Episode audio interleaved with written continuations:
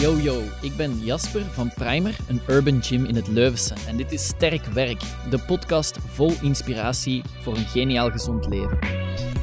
Welkom bij Powerlifting Pros. Eerst en vooral, merci om te luisteren en ga zeker terug in de voorgaande afleveringen. Er zitten ongelooflijk veel takeaways in. Gesproken van iemand die open staat voor alles. Michiel Bayens, in absolute getallen best nog jong, maar in mindset en denken al zeer ver gevorderd. Meermaals genoemd door toppers van coaches in de voorgaande afleveringen en hij voldoet absoluut aan de verwachtingen. Ik nodig u daarom uit mee met mij tonnen inspiratie te halen uit deze aflevering met Michiel, een absoluut groeiend coachingstalent. Enjoy the podcast. Goed, Michiel, uh, welkom op de podcast. In de eerste plaats, dikke merci om uw uh, tijd te nemen tussen de examens door om even uh, een babbel te doen. En dan starten we zoals bij iedereen met een powerlifting paspoort. Um, ik laat dan nu de eer, hè. vul in wie is Michiel en wat heb jij te maken met powerlifting? Oké, dank u wel dat ik er mocht zijn. Um, ik ben Michiel, misschien een redelijk ongekende naam ook. Um, mijn powerlifting paspoort is helaas niet veel impressionant. Ongeveer twee jaar geleden mijn eerste wedstrijd gedaan. En dat is tevens ook de laatste wedstrijd in die periode geweest. En ik denk dat mijn beste nummers tot nu toe ook van die periode dateren. Dat is 170 squat, 127,5 bench en 210 deadlift. Mm -hmm. ja, de reden daarvoor is een beetje een aanhoudende blessure die een beetje roet in het eten heeft gestrooid. Um, maar dat er nog altijd af en toe is durft komt op te spelen. Mm -hmm. uh, en wat is mijn met powerlift? Ja, ten eerste twee jaar geleden uh, een beetje verliefd geworden op de sport. Um, als competitor begonnen. En dan redelijk hard geblesseerd geraakt. En dan probeert je op een manier te zoeken waarin je bij de sport betrokken kunt zijn, terwijl dat er eigenlijk een beetje naast staat. En voor mij was het dan coachen worden. Uh, dus dan ben ik mensen binnen begeleiden. En ik vond dat ik eigenlijk graag doe, omdat er een heel wijs proces achter zit. Mm -hmm. En dat is iets wat ik tot uh, op heden nog steeds doe, met veel plezier. Oké, okay, cool. Um, als je spreekt over hè, een, een, blessure, waar heb je juist voor gehad? Waar heb je last van? Um, misschien een beetje een klassieker, maar de onderrug. Um, mm. Een tijd geleden dan een hernia, uh, L5-S1 vastgesteld.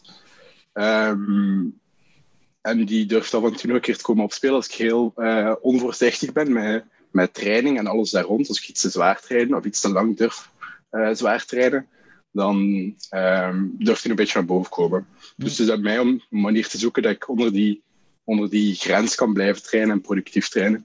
Ja, want dus mensen die, die luisteren, die gaan natuurlijk denken, ah ja, tuurlijk, powerliften, hernia, logisch, hè, dat is niet slim om te doen.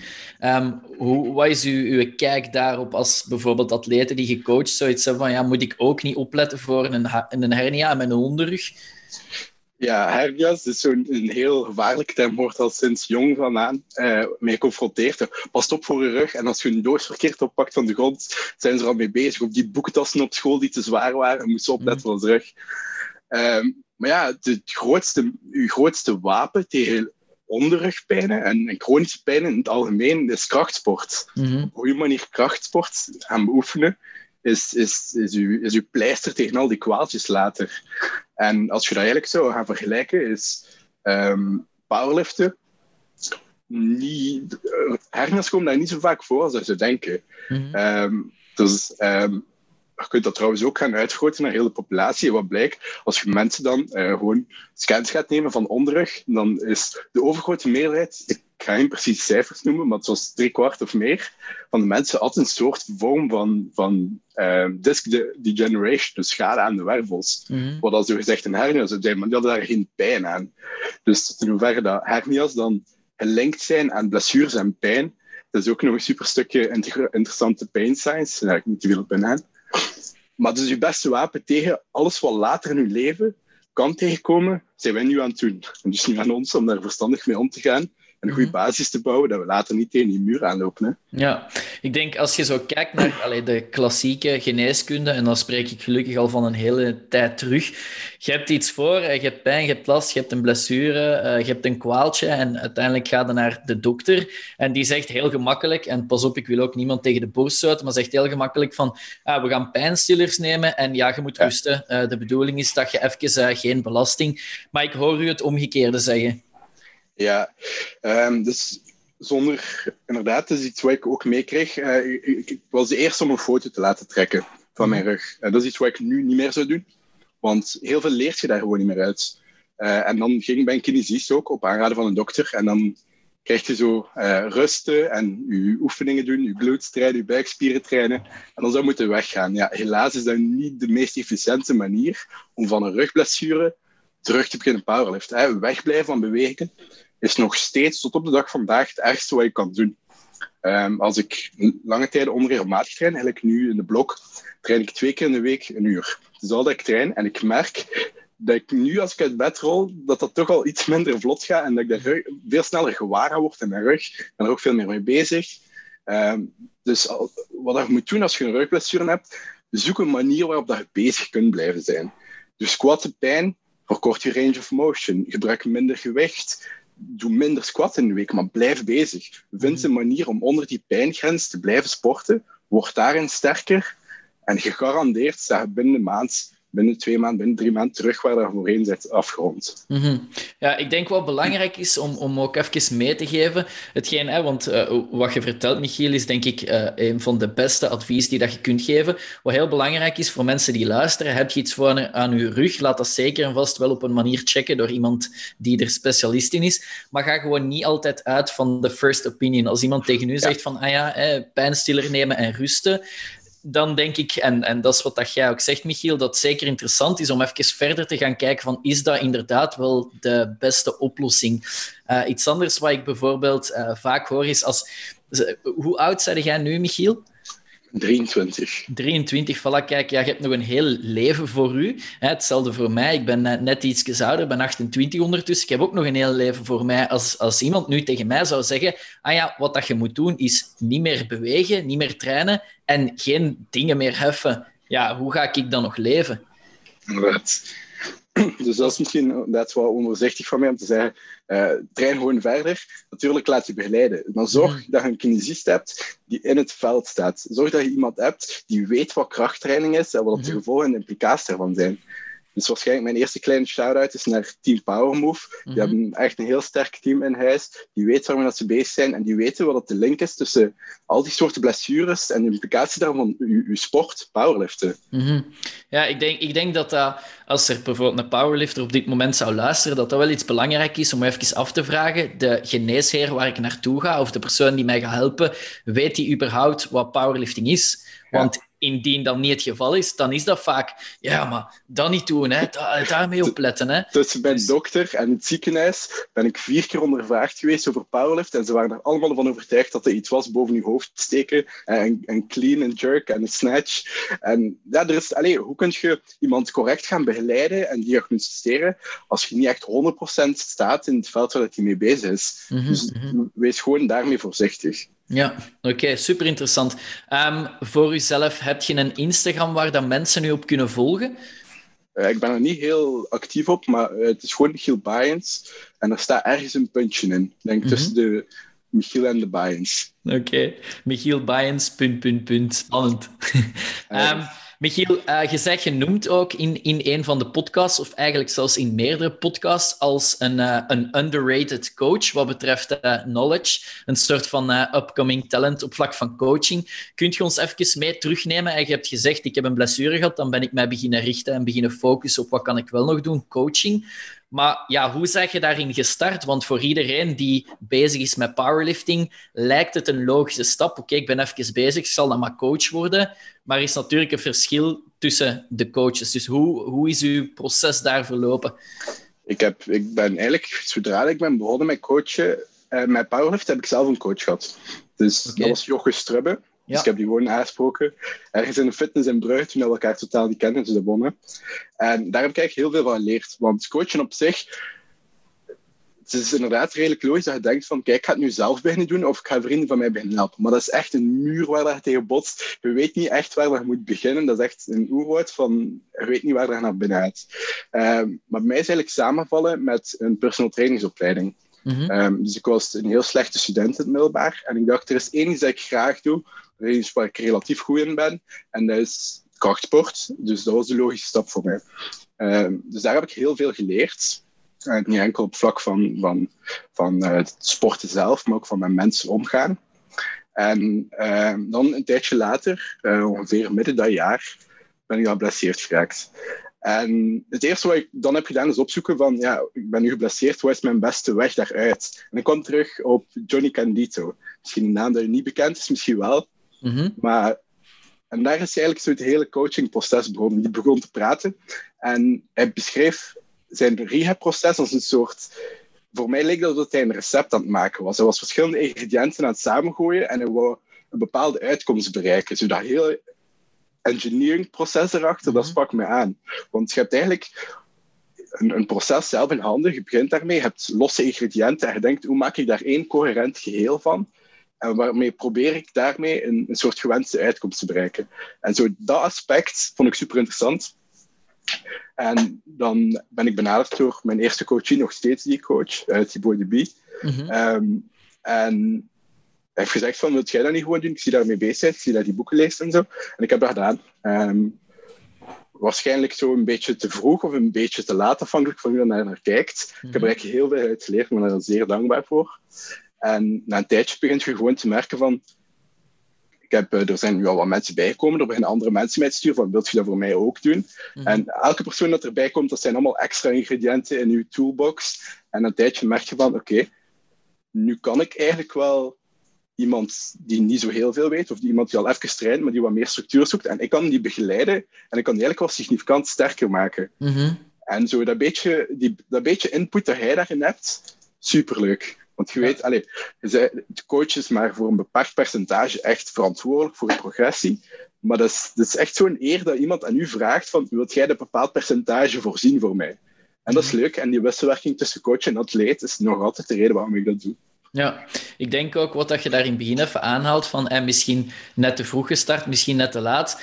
Ik denk als je op het punt komt dat je start met coaching en je zegt van ja, eigenlijk loopt alles perfect van moment één, dan denk ik dat je te laat gestart bent. Want het punt is, jij moet groeien als coach. En degene, hè, de Thibaut, die je als eerste coacht, die heeft u ook gewoon beter gemaakt als coach. En stel dat je op dat moment gezegd had, ja, Thibaut, ja, ik denk dat ik nog niet genoeg weet, uh, ik ga nog niet starten, ja, dan was uw leerproces veel vertraagd geweest en had je nu ook nog niet op het punt gestaan waar dat je nu staat. Dat, dat sluit ook mooi aan bij die podcast, want dan kreeg ik een berichtje van u en toen dacht ik, wat heb ik daar te vertellen? Maar tegen het moment dat ik ooit echt iets ga vinden van mezelf, dat ik iets te vertellen heb, is waarschijnlijk al veel te laat. En heb ik al zoveel kansen onderweg laten liggen om mm-hmm. eens te zeggen wat dat ik van iets vind. Ja. Dus dat is echt iets waar dat ik heel vaak mee geworsteld heb, vandaag de dag nog altijd. Je ziet al die kansen passeren, of dat nu gaat op vlak van studeren, of dat nu gaat op vlak van sport, of alles wat je daar buiten doet. Maar als er iets zich aanbiedt, denk daar wel over na. Maar de kans is groot dat je dat gewoon moet doen, want op zich, heb je te verliezen? Mm-hmm. Mm-hmm. Yes, screw it, let's do it. Hè. Um, dat is denk ik iets heel belangrijk in, allez, in een leerproces. En zoals je aanhaalt, dat is gewoon op verschillende vlakken. In, in de weg dat je aan het afleggen bent, leert je gewoon bij. En de manier waarop dat je een goede coach wordt, um, dat is gewoon die manier. Um, natuurlijk, er is wel een bepaalde basis die vereist is. dus als er mensen zijn die luisteren en die zeggen van ja, ik wil eigenlijk wel iemand Michiel of iemand anders de kans geven om mij te coachen en meegaandeweg in dat proces bij te leren. Wat zijn zo de soort van baseline punten waar dat jij aan denkt van oké, okay, dat moet een coach wel echt snappen, want anders ja, dan is die er echt wel nog niet klaar voor. Een coach moet geen diploma hebben, daar ben ik heilig van overtuigd. Um, je moet rekenen, elke vorm van, van, van, van kennis dat via de overheid wordt meegegeven, loopt vijf tot tien jaar achter. Dus ik vind niet dat dat een goede metric is om je coaching capabilities te bepalen. Het meeste van wat ik heb gelezen van hoe je naar coaching kijkt, komt van een heel goede vriend van mij, Steve Sleewaard. En die zei, als je een coach bent, waarom doe je dit? En dat, dat achtervolgt mij nog altijd. Waarom coach je? Wat is je doel? Waarom, waarom doe je niets anders? Dus dan moet iemand zijn die daar maar 100% achter staat. Die zegt, ik wil iemand helpen en sterker worden. Ik doe dat omdat ik dat graag doe.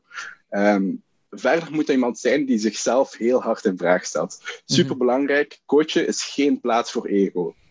Het gaat, hoe dat het ook draait of keert, het voor een bepaald percentage iemand zijn zijn, zijn trainingsplezier en zijn gezondheid in handen. Dus je moet kritisch zijn. Je moet weten waarmee dat je bezig bent. Mm-hmm.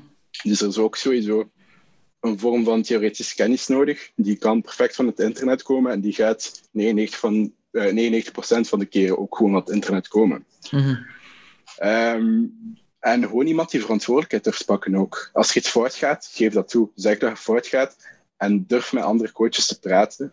Dus dat zijn eigenlijk allemaal eigenschappen die ik belangrijk vind. Als ik dan nog opsom, is dat kritisch zijn. Iemand die wel bezig is met, met de theorie erachter. Iemand die verantwoordelijkheid oppakt. En iemand die bezig is in de sport en ook geregeld mensen aanspreekt daarover. Mhm, ja. ja, ik denk ook, allez, een stukje van wat dat je vertelt is zo wat terug te brengen naar passie. Je hoort dat ook als jij daarover vertelt. Het is duidelijk uw passie. En ik denk als iemand die gepassioneerd is, uh, u aan het begeleiden is, dan weet je eigenlijk bijna al 100% zeker dat hij gewoon elke keer opnieuw beter gaat worden. Want dat is hetgeen wat dat denk ik ook voor u, u aan de binnenkant drijft, is je wilt uzelf beter maken, elke keer opnieuw. En daarbij uiteraard ook de atleten die je coacht. Ja, 100 procent. Dat is het enige waar ik echt aan verslaafd ben. En dat is echt nog maar een jaar of twee zo. En dat is iets bijleren. Mm Dus ik, ik, weet niet waar dat vandaan is gekomen. Want ik zei het, ik ben een heel slechte student geweest. Een beetje een dommerik gewoon. Maar mhm. vanaf ik mijn klik heb gevonden, dat was eigenlijk na mijn personal training periode.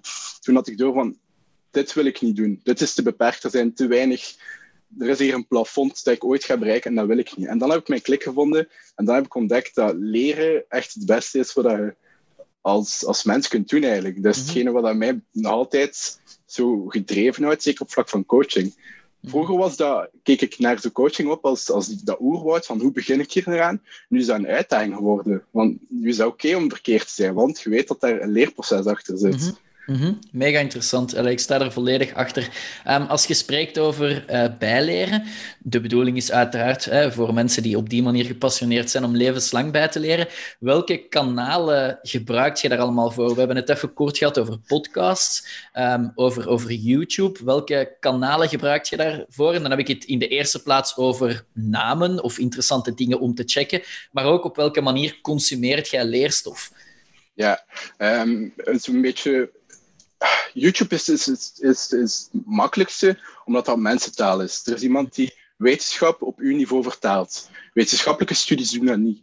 Wetenschappelijke studies hebben ook, een, eh, hebben ook de implicatie dat er veelal fouten, allez, fouten zijn. En het is de foute methodologie, er worden foute conclusies uitgesproken, die zijn op een verkeerde manier getest, zodat die eigenlijk weinig tot nooit applicable zijn op ons veld, wat dat powerlifting is. Mhm. Dus ik vind niet dat dat voor een coach de hoofd, het hoofdmateriaal is dat hij moet verteren.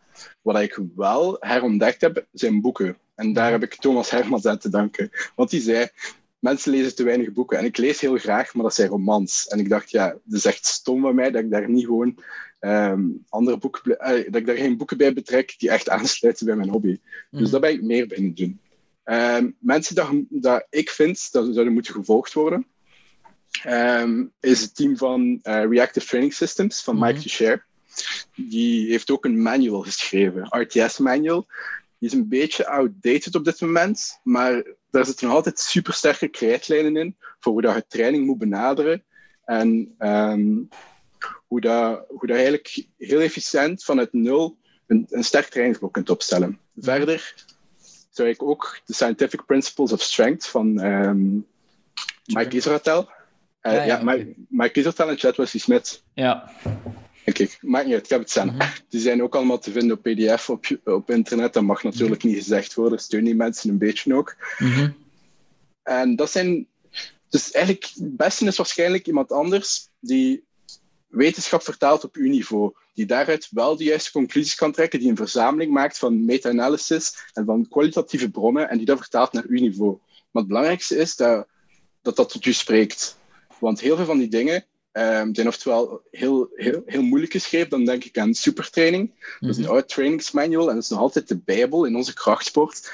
Maar als je dat in één stuk probeert door te lezen, dan krijg je daar hoofdpijn van. Dus ik mhm. heb het nog niet uitgelezen. Um, en ja, podcasts. Ik denk aan de podcast van um, The Strength Athlete van Bryce mm Lewis. ik denk aan The Strength Guys. Sean Noriega maakt heel sterke manuals ook op, ehm, op YouTube. En dat zijn zo'n beetje de mensen die je moet volgen. Je gaat, gaat merken, hoe, hoe, meer van die mensen dat ik volg, hoe meer dat ik, hoe meer dat ik te zien ga krijgen. Mm -hmm. je internetalgoritme ga je op de duur onderspoelen. En dan is dat nu om eigenlijk iemand te vinden waarbij dat jij je goed voelt. Waarbij mhm. dat jij... Dus ik wil niet zeggen mentorachtige relatie, maar dat kan wel goed zijn om je met één systeem te identificeren als je net begint en dat systeem te beginnen doorpluizen. Mm En dat heeft mij eigenlijk wel redelijk snel op weg geholpen. Ja. ja, ik denk ook sowieso, allee, coaching is gewoon een, een, levenslang proces. En je spreekt over bijvoorbeeld um, reactive training systems en het feit dat dat zo een klein beetje outdated is je zegt ook meteen van, dat wil daarom niet zeggen dat die krijtlijnen niet interessant zijn, maar dus op die manier, ja, als je eens dat je erin verzeild geraakt, hè, je neemt mee wat dat je wilt meenemen en uh, de rest laat je achter en je gaat naar de volgende. En ik denk dat dat gewoon wel iets waardevol is. Er moet een soort van baseline zijn waar je kunt starten. En je hebt er een aantal heel, uh, heel goede genoemd. En vandaar het is het inderdaad iedere coach voor zich die zich een klein beetje meer in een bepaalde richting uh, gaat beginnen bewegen of zo. Um, nog een vraag die ik voor je heb. Je spreekt over Thomas Hermans en de boeken. Um, sommige mensen die nu luisteren gaan dan ook denken van ja, maar allez, Michiel, jij bent toch aan het studeren en daarbovenop dan nog eens een boek. Dat ligt toch niet hoe plant jij dat? Allee, plant jij blokken van oké, nu ga ik lezen? Of is dat gewoon, ik heb even tijd, pak een boek? Ja nee. Ik lees, ik lees altijd voor ik ga slapen, omdat dat zorgt dat ik niet op mijn gsm zit. Mhm. Dus dat is waarschijnlijk de belangrijkste verandering dat ik heb gemaakt uh, met zo de jaarwisseling tussen 2020 en nu. Ik zit te veel op mijn gsm. Dus ik verander dat door iets anders. Bij mij was het boek. Daarvoor las ik ook gewoon wanneer ik tijd had. Maar plannen is inderdaad superbelangrijk. Zeker als student zou het echt stom zijn om je keer niet een week lang aan een plan te houden en te ontdekken wat de voordelen daarvan zijn. Mm. Ik heb er altijd zo heel sterk tegenover gestaan van als ik inplan wat ik wanneer doe, wat mis ik dan allemaal voor opportuniteiten? Is dat nog leven of loop ik dan van blokje naar blokje? Maar het is aan u om daar zo'n beetje flexibiliteit in te vinden. Dus wat ik doe, en wat er voor mij heel goed werkte, is ik maak blokken op. Als coach moet je dat ook doen trouwens, want je hebt ook een verplichting naar je atleet toe om bepaalde manieren te antwoorden, hè, mhm. om, om beschikbaar te zijn, om, om gegevens uit te wisselen en om een schema's aan te passen. Dus dat was ook een van die drivers waarom dat ik moest beginnen plannen. Het is niet meer mijn eigen tijd dat ik verspil, maar mogelijk ook de kansen om andere mensen tijd af te nemen. Mhm. Ehm, dus wat ik doe, is gewoon een dagplanning maken, waarin er staat dat, voor, dat moet er voor school gebeuren. Ik plan niet uur tot uur in, maar dit moet voor school gebeuren. En daarna doe ik dit allemaal. En die dingen daarna, zijn iets waarin dat ik uh, ontspan, iets waarin dat ik iets bijleer en iets coaching gerelateerd. Dus dat zijn drie blokken aan het einde van de dag die ik eigenlijk zelfontwikkeling wil ik dat niet noemen, want dat is een beetje zo van de torenblazen is, maar zelfontwikkeling bij brek en beter wordt, mm waarin dat ik ontspan, iets bijleer en iets doe voor de mensen onder mij. Dus die ik mhm. coach. Ja, ja, ik denk mega interessant. Uh, de tip die je geeft van eh, s'avonds uh, gsm wegleggen en een boek lezen is sowieso een mega goede tip. Uh, om het praktisch te maken voor mij dan, mijn systeem. Ik sta s ochtends op, ik sta iets vroeger op, ook als ik niet vroeg moet opstaan. Dus ik sta eigenlijk standaard altijd om zes uur op. Ook als mijn eerste verplichting om negen uur is of om tien uur, altijd om zes uur op.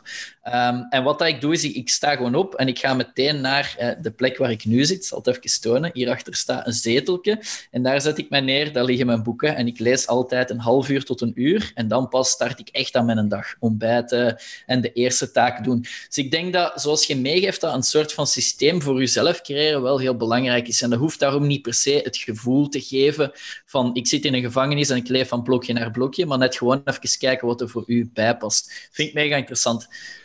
Zo die afbakening, daarin vind ik ook super interessant. Jij haalt aan, je verwijst naar je zetel. Kijk, ik zit daar en ik lees daar. Mhm. We hebben nu allemaal uh, het is al bijna een jaar dat we binnen in ons kot zitten. Mhm. En waar ik studeer, is waar ik ontspan. Waar ik mhm. slaap, is in hetzelfde kot waar dat ik leer. Dus mijn leven is echt gereduceerd tot zo dat kleine vijf vierkante meter in mijn kamer. Mhm. Maar het wordt pas interessant, het wordt pas leefbaar als je die ruimte kunt opdelen. Er is een plaats waar dat mijn gsm ligt. Waar als ik daar niet ben, dan zit ik niet op mijn gsm. Er is een plaats waar mijn boeken staan. Als mijn boeken daar staan, ik ga ernaast zitten, dan ben ik aan het lezen. Ehm, mijn computer staat hier. Ik pak die niet meer mee naar het bed. Ik zorg dat het allemaal gescheiden is. Slapen is in bed liggen. Zetel zitten is een boek lezen. Uh, mijn gsm kan achter mijn bureau ook nog. Maar als ik studeer, verdwijnt mijn gsm in een andere kamer. Zo die mhm. opsplitsing maken daarin is dat zorgt dat er zo geen gevaarlijke overlap wordt gecreëerd waarin dat vast zit op dezelfde vierkante meter en dat je eigenlijk alles op die vierkante meter doet en dat studeren halverwege op gsm zitten wordt, of dat je in je bed gaat liggen om naar een film te kijken en dan valt in slaap of zo. Ik zorg dat dat super strak gescheiden blijft. Zometeen meer info, maar tussendoor toch even belangrijk om mee te geven. Als je nu nog steeds niet kunt trainen, zorg er dan zelf voor dat het wel lukt. Bij ons kun je vanaf nu met 10 man in de Outdoor Open Gym trainen. Dat is buiten, op een veilige manier, met al het materiaal dat je nodig hebt. Daarnaast kun je ook nog steeds materiaal huren. Kun je bij je thuis de ideale home gym creëren. En stel dat je zegt, ja, ik heb meer begeleiding nodig, personal of eventueel een groepsles. Ook die gaan volop buiten door. Super vet, want het is echt stralend weer. Dus neem het heft in eigen handen en zorg dat jij terug kunt trainen. Tot snel! Meer info op www.primeracademy.be of stuur een mailtje naar info.primeracademy.be. als je kijkt naar je eigen atleten, um, ja, begeleiding is uh, de schema's opstellen en uiteraard de feedback geven. Dat is wat je daarnet ook al aanhaalde. Maar is dat iets wat je merkt dat ook bij hun nodig is? En zo, we hebben het nu over, over planning en over structuur en over dingen wel en niet doen. Is dat iets wat je ook doortrekt in je coaching? Of zeg je van nee, dat is echt puur programming? Uh, nee, coach, het zou dom zijn om te zeggen, een coach maakt programma's. Dan zijn een programmer, volgens de zin, de zin van het woord. Maar een coach. En dat, heeft, dat, is een, dat is geen nadeel. Voor sommige mensen is dat waarschijnlijk een nadeel. Voor mij is dat een, een uitdaging. Voor mij is dat een voordeel. Is dat je andere aspecten van de mensen, van de mensen die je coacht wel positief kunt beïnvloeden. Mm. Um, ik ga weer moeten verwijzen naar Thibaut. Dat is een heel sterke student, maar die heeft re uh, recent een, een schakeljaar gedaan naar een nog veel moeilijkere opleiding. Mm -hmm. Vier maal of vijf maal in de week trainen, gecombineerd met die overschakeling, dat botst. Mm -hmm. um, dus dan is dat nu om daar ook rekening mee te gaan houden. Um, als coach bouwt je ook habits. Je zegt tegen mensen, kijk, nu gaat je gaan trainen en je doet dat. Voordat je gaat trainen, doe je best dit. Nadat je gaat trainen, doe je best dit. Als je dat kunt doortrekken en je zegt ook van... Um, daarbuiten zijn er ook nog heel veel opportuniteiten om habits te gaan beelden, zoals leren plannen. Dat is iets wat ik met Thibaut ook heb besproken, van kijk, plannen wordt belangrijk. Mm -hmm. um, en hij heeft dat ook doorgetrokken, dus ik ga hem binnenkort wel eens horen of dat effectief ook gelukt is in de examenperiode, maar ik twijfel mm -hmm. daar niet aan. Maar zo die skill van habits leren beelden, dan moet je, dat is eigenlijk je plicht niet als coach, maar je zou dat toch wel moeten proberen doortrekken van, dit is ook allemaal mogelijk buiten je leven. Mm -hmm. uh, buiten je leven, buiten de krachtsport. Mm -hmm. Ik denk, als je, als je luistert naar Michiel nu en je bent een coach en je denkt van, ah, verdomme, ik ben eigenlijk een programmer, hè, zoals je het daarnet even aanhaalt, dan denk ik, dat is niet erg. Dat wil vooral zeggen dat er nog mega veel potentieel is. En dat wil vooral zeggen dat eens dat je die uh, dingen begint te ontdekken, dan gaat er een, gewoon een volledige nieuwe wereld opengaan. Um, doet jij coaching calls? Of hoe begin... Want ja, we zitten nu eenmaal in een soort van lockdown, dus we kunnen niet echt mensen in real life zien. Dus hoe pakt jij dat aan? Uh, dus ik heb ook een beetje de malchance, is dat niet echt, maar dat de mensen eigenlijk wel zo geografisch ver van mij liggen. Mm -hmm. Er zitten een aantal zo in Antwerpen, een aantal binnen die coté, uh, mm -hmm. iemand in Gent, iemand net buiten West-Vlaanderen. Um, dus internet is je beste vriend. Um, hoe dat ik communicatie in het algemeen aanpak, ik heb een communicatielijn waarin dat ik beloof van minimaal drie keer, maximaal vier keer in de week feedback te geven. En dat is dan via WhatsApp. Mm -hmm.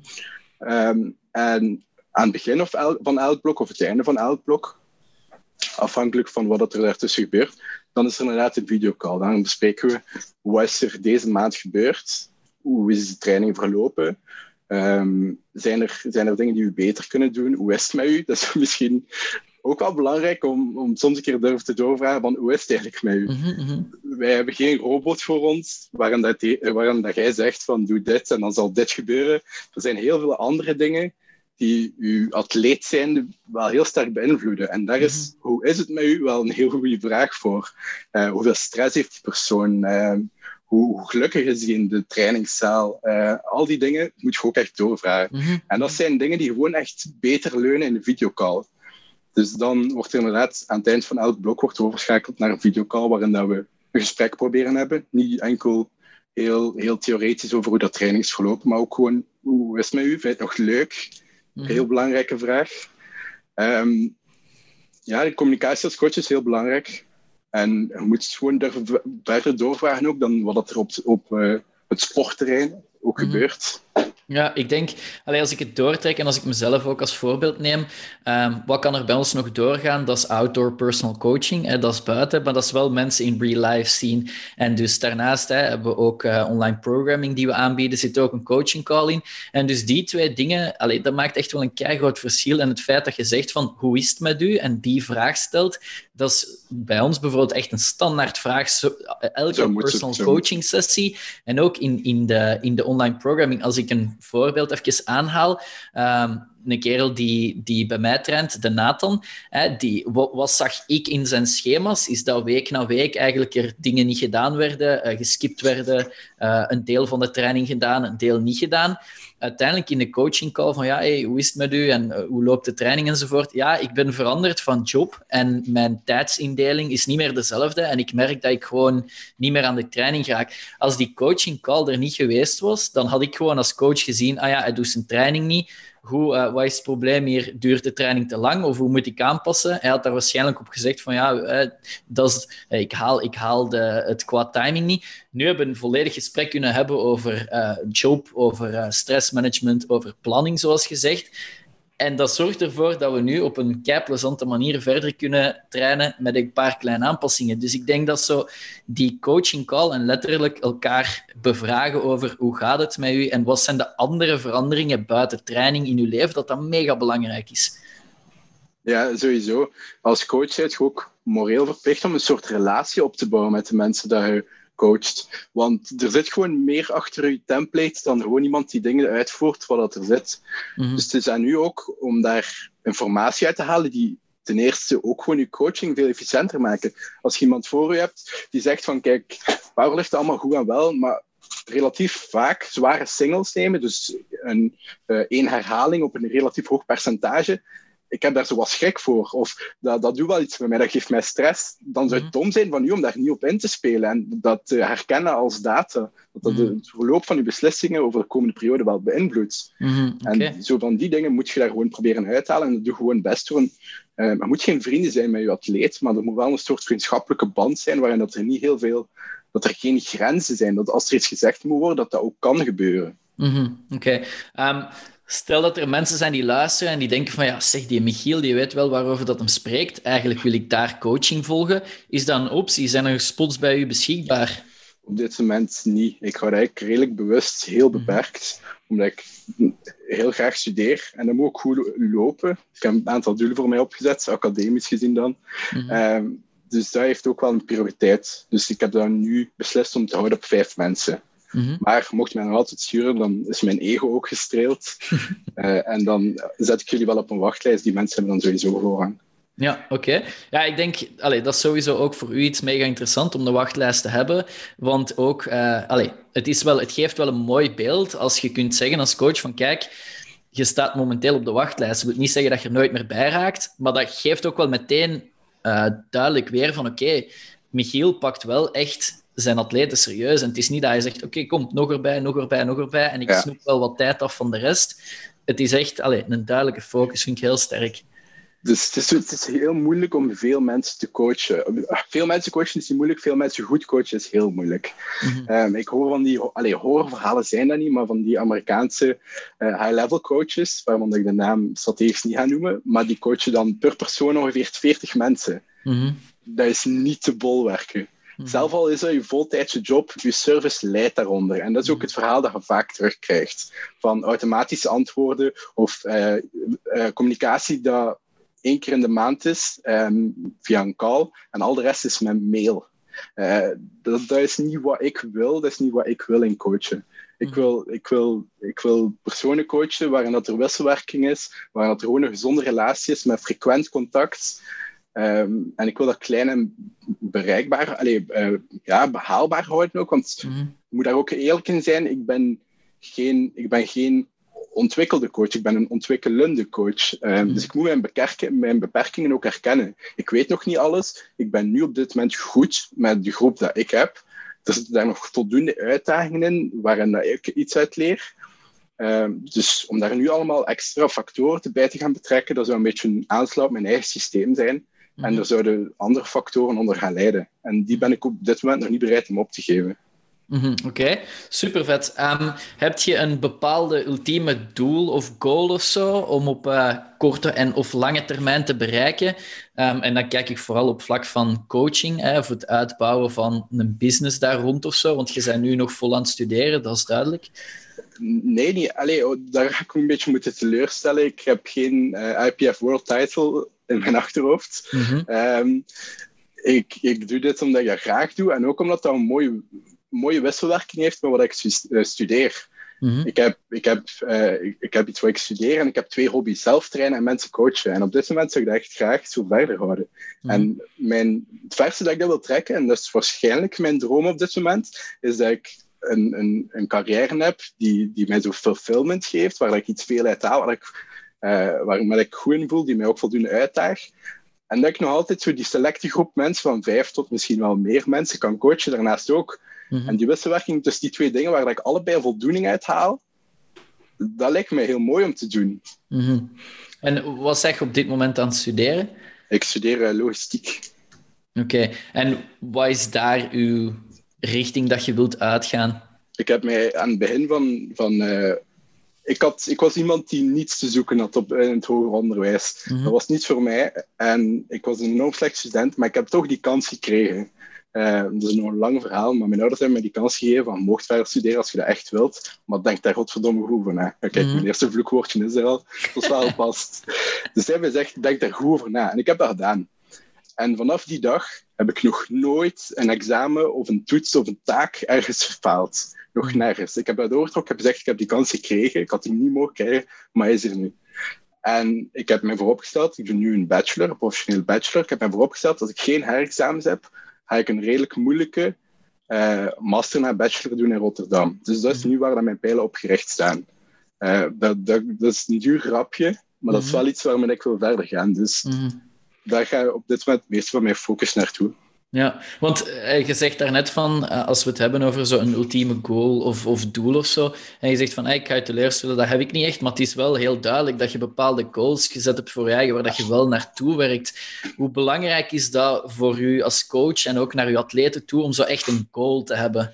Dat is misschien een heel controversiële mening, maar als ik dit doortrek naar wat ik zie binnen onze, onze, onze scene, powerlift in België, wordt goal setting heel verkeerd gebruikt. Mm dat is mijn grootste trigger op dit moment, is dat goal setting.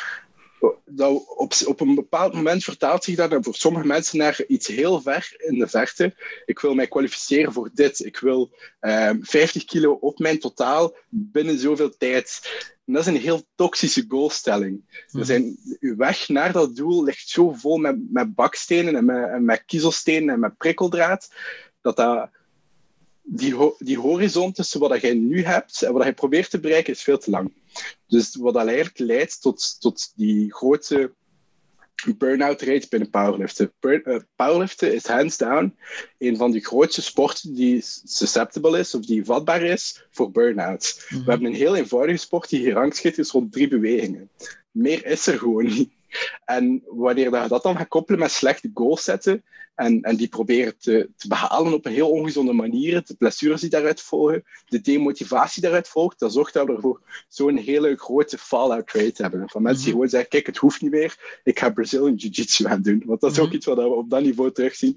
Die hebben allemaal zo'n een, een, een moment dat ze zeggen, kijk, ik stop en ik ga een vechtsport gaan doen. Mhm.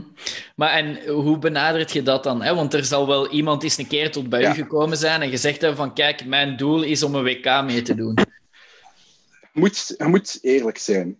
Als je niet eerlijk bent, als je als coach niet eerlijk kunt zijn tegen je atleten, mis je al een van je pijlers van een goede coach zijn. Dat is objectiviteit en stoïcisme.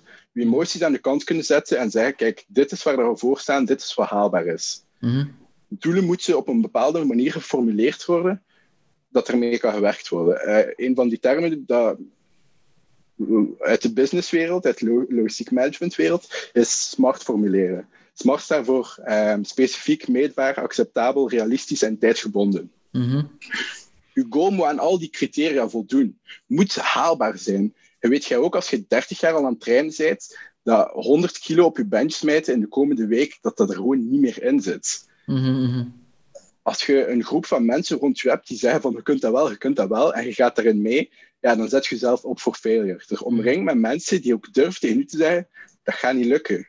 Mhm. Als je je goals gewoon veel te kort bijzet en doe roekeloze dingen om die te behalen, dan kun je aanschuiven met mij en zo'n uh, maand lang gaan rehaben omdat je er hebt pijn gedaan. Dus ja, dat is misschien een goede tip. Zo, de smart, smart formulatiestrategie. Zorg dat je goal specifiek, meetbaar, acceptabel, realistisch en tijdsgebonden is. Mhm. Probeer goals te zetten op de korte termijn. Zeg, kijk, mijn blok loopt nu vier weken. Dit is mijn startpunt. Dit wil ik aan het einde van dit blok. Mhm. Begin daarmee. Zie hoe dat, dat loopt. En op, mocht, uh, waarschijnlijk soort kleinere micro-goals noem ik dat ik vraag dat ook soms aan mensen. Wat wil je aan het einde van dit blok doen? Dat is werkbaar. De kans dat je rug gaat breken in de komende drie weken waarschijnlijk niet zo groot als Mhm. jij die het WK wilt halen binnen zes maanden. Ja. Ik denk ook als je kijkt naar zo, hè, zo die smart eh, goals, zoals gezegd, wat ook heel interessant is, is een van de dingen die het meest drijft en het meest voldoening geeft, is gewoon een succes behalen. En als je een micro-goal vooropgesteld hebt, de kans dat je die gaat behalen is gewoon vrij groot. En het, het, het, hetgeen dat u dat qua gevoel gaat geven, ja, is extra motivatie om naar de volgende micro-goal te gaan. En op die manier bouwt je dan uiteindelijk wel op naar een groter doel. Ja, Ehm. dat, dat volgen van, van die kleine, die small wins over time, stacking small chips. En dat zorgt er gewoon voor dat je een mooi afgerond en een sterk proces hebt om progressie te maken in de toekomst. Dus inderdaad, het goed dat je dat aanhaalt. Ja, en a- als je, als je kijkt naar, hè, want ik denk dat sommige mensen die nu luisteren misschien wel zullen denken van ja, maar mogen we dan niet dromen over iets dat heel ver ligt? Hoe kijkt je daar naartoe? ik ben een heel slechte persoon op dat vlak, omdat ik heb al zo heel veel tegenslagen gehad in mijn leven. Mhm. Het enige wat... Allee, dat klinkt weer af dat ik zo'n een backstory heb. Dat is niet zo natuurlijk. Maar ik ben er heel goed in geworden van weet wat ik kan, weet wat dat mijn limitaties zijn. Dus dat is waarschijnlijk misschien een beetje een tekortkoming van mij, want ik ben geen dromer meer. Mhm. Dat is er al lang. Ik weet wat ik kan, ik weet wat er haalbaar is. Maar dat zorgt ervoor dat ik wel zo'n bepaalde flow heb. Van, ik weet wat ik kan, ik kom nooit voor verrassingen te staan. Ik weet hoe dat ik zo die kleine potholes die op die weg naar die goal zitten, ik weet hoe je die moet na- navigeren. Dus dat is een beetje wat ik probeer over te brengen naar mensen ook. Gewoon objectief stoïcisme, proberen je emoties aan de kant te laten. Laat die los wanneer dat, dat nodig is. Ehm, het is uw hobby, hè? Powerlift is uw hobby. Mhm. En mensen durven dat echt te vergeten. De kans dat iemand uit de VGPF daar ooit zijn job van gaat maken als atleet, is nul. Dus niet Mhm. één of zo, is gewoon nul. Dus Mhm. gewoon dat beseffen en beseffen dat powerliften iets is dat je leven positief moet beïnvloeden, in plaats van die rollercoaster van emotie doorheen je leven te trekken, dat is al een goede stap. Mhm, Oké. Ja, ik denk interessant. Stel dat er iemand is die zegt van ja, eh, ik zit een beetje aan de verkeerde kant eh, van, van de balans. Ik zit wel aan de emotionele kant en de ehm, rollercoaster. Hoe keert je dat om en hoe ga je terug naar zo'n ietsje meer stoïcijnse benadering, eh, weinig emotie, praktisch gericht, haalbaar? Doe je dat met die smart goals? Of... Dat kan. Ten eerste, emoties zijn niet slecht. Mhm, Dat maakt ons mens. Wij voelen dingen, eh, vijf minuten later voelen wij iets anders. Dat is hetgene wat ons mens maakt. Dus dat gewoon erkennen is al een eerste stap. En ook misschien proberen nadenken hoe je daar nu iets positiefs van kunt maken. Hè? Zoals de hype. Dat is waarschijnlijk iets wat het niks, eh, dichtst bij onze leefwereld aansluit. Is u, u klaarmaken, jezelf vol adrenaline pompen mhm, voor een attempt op de wedstrijd. In training gebeurt dat ook. Je ziet dat mensen heel hyped zijn om te gaan trainen. Dat is misschien al een eerste stap waar dat er zo ruimte voor verbetering is. Mhm. Als je elke training begint alsof dat het Colosseum binnenstapt en je negen gladiatoren te lijf moet gaan met niets anders dan een klein mes, mhm, dan denk ik dat er al wat, dat, dat, dat er al wat mogelijkheid tot verbetering is. Dus wat meer stoïcijn zijn in je training ook. Je bent gewoon hier om te werken. Je mocht natuurlijk plezier hebben, maar je moet voor een single op RP6, wat, dat, wat vertaalt naar een single op 88%, dat is niet zwaar. Je moet dat ook niet zwaarder maken dan dat is. mhm, Ehm, en dan ja, op vlak van gewoon je, emoties een beetje kunnen temperen, moet ik alweer verwijzen naar een goede vriend Thomas Hermans. mhm, Eh, en dat was Seneca. Eh, alles wat zo voor filosofie en het stoïcisme is, dat is eigenlijk super interessante leerstof. En als je dat leest, dan merk je ook dat dat heel veel applicatie heeft als coach. mhm. Ehm, en staan er ook gewoon heel haalbare praktische tips in. Die zeggen van probeer uh, hetgeen wat er rond u gebeurt, u niet te veel te laten beïnvloeden. En als je iets beïnvloedt, probeer dat om te vormen naar iets goed. Mhm. Als iemand zegt die benefit van heel veel hype, reserveer dat voor je laatste attempt op een Mhm. wedstrijd. Laat u dan een keer gaan, dan mag het. Je bent er toch. Dan mocht je er alles uitsleuren. Maar om Mhm. elke training zo te benaderen, dan kun je misschien je rollercoaster wat minder stijl eh, maken. En alweer, ja, zorg dat je gewoon heel niet te veel tegen die pieken en die, daal, die dallen zit van, van trainingsplezier. En dan echt zo die depressie die gepaard gaat met slechte training. En Mhm. dat je dat pad daartussen zo wat neutraler kunt maken. Mhm, Ja, ik denk ook dat het inderdaad zo de, de schommelingen zijn die best wel gevaarlijk kunnen zijn. Als je Ja. heel, heel hoge highs hebt, meestal heb je dan ook best lage lows. En dat is denk ik hetgeen dat moeilijk maakt.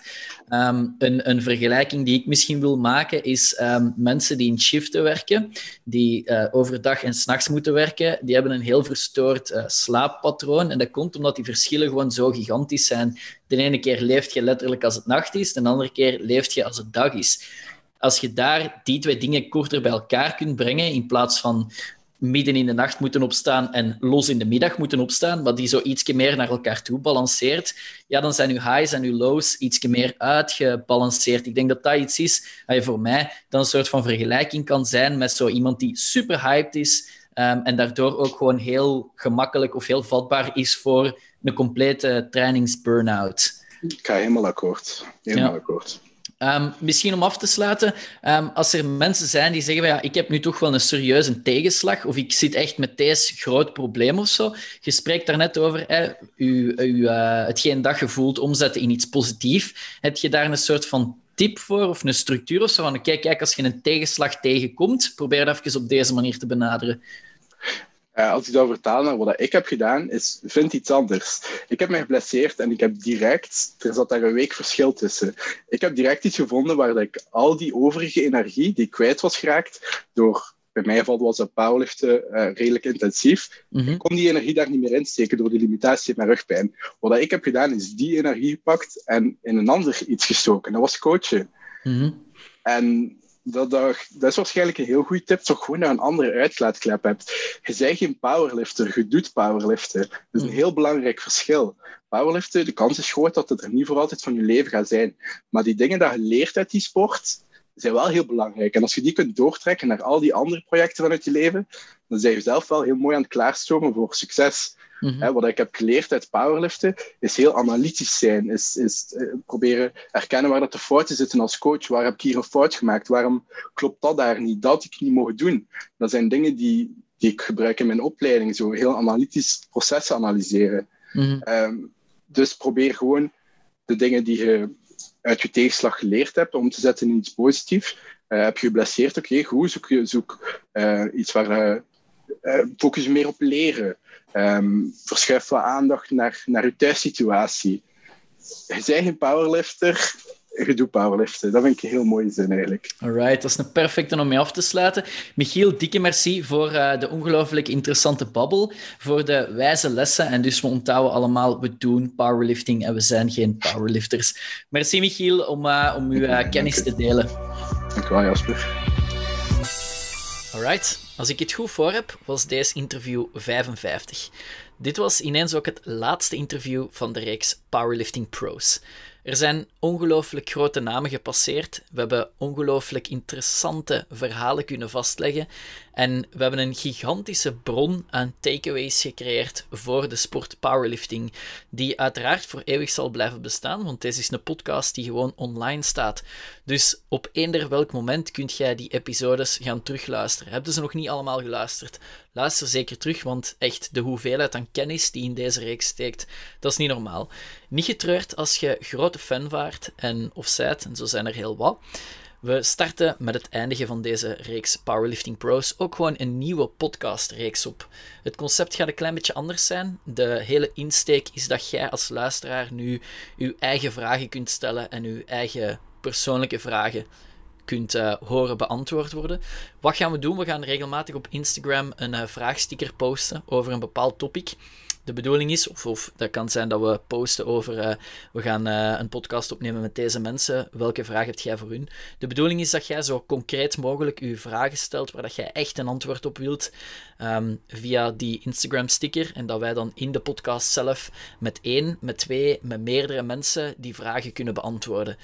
Het idee is om zo vaak als mogelijk meer een discussie te voeren met dus meerdere mensen, geen één op één interview of toch niet altijd maar uh, meerdere mensen die het over één topic hebben, wat dan natuurlijk de interessante antwoorden nog meer gaat vergroten.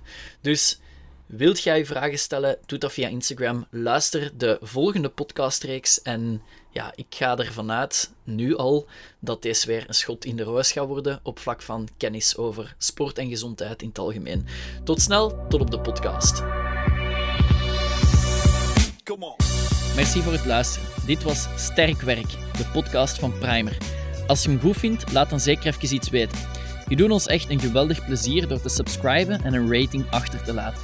Dat geeft ons de nodige energie om verder te blijven knallen en zo mist jij zeker geen waardevolle info. Tot de volgende. Ciao guys!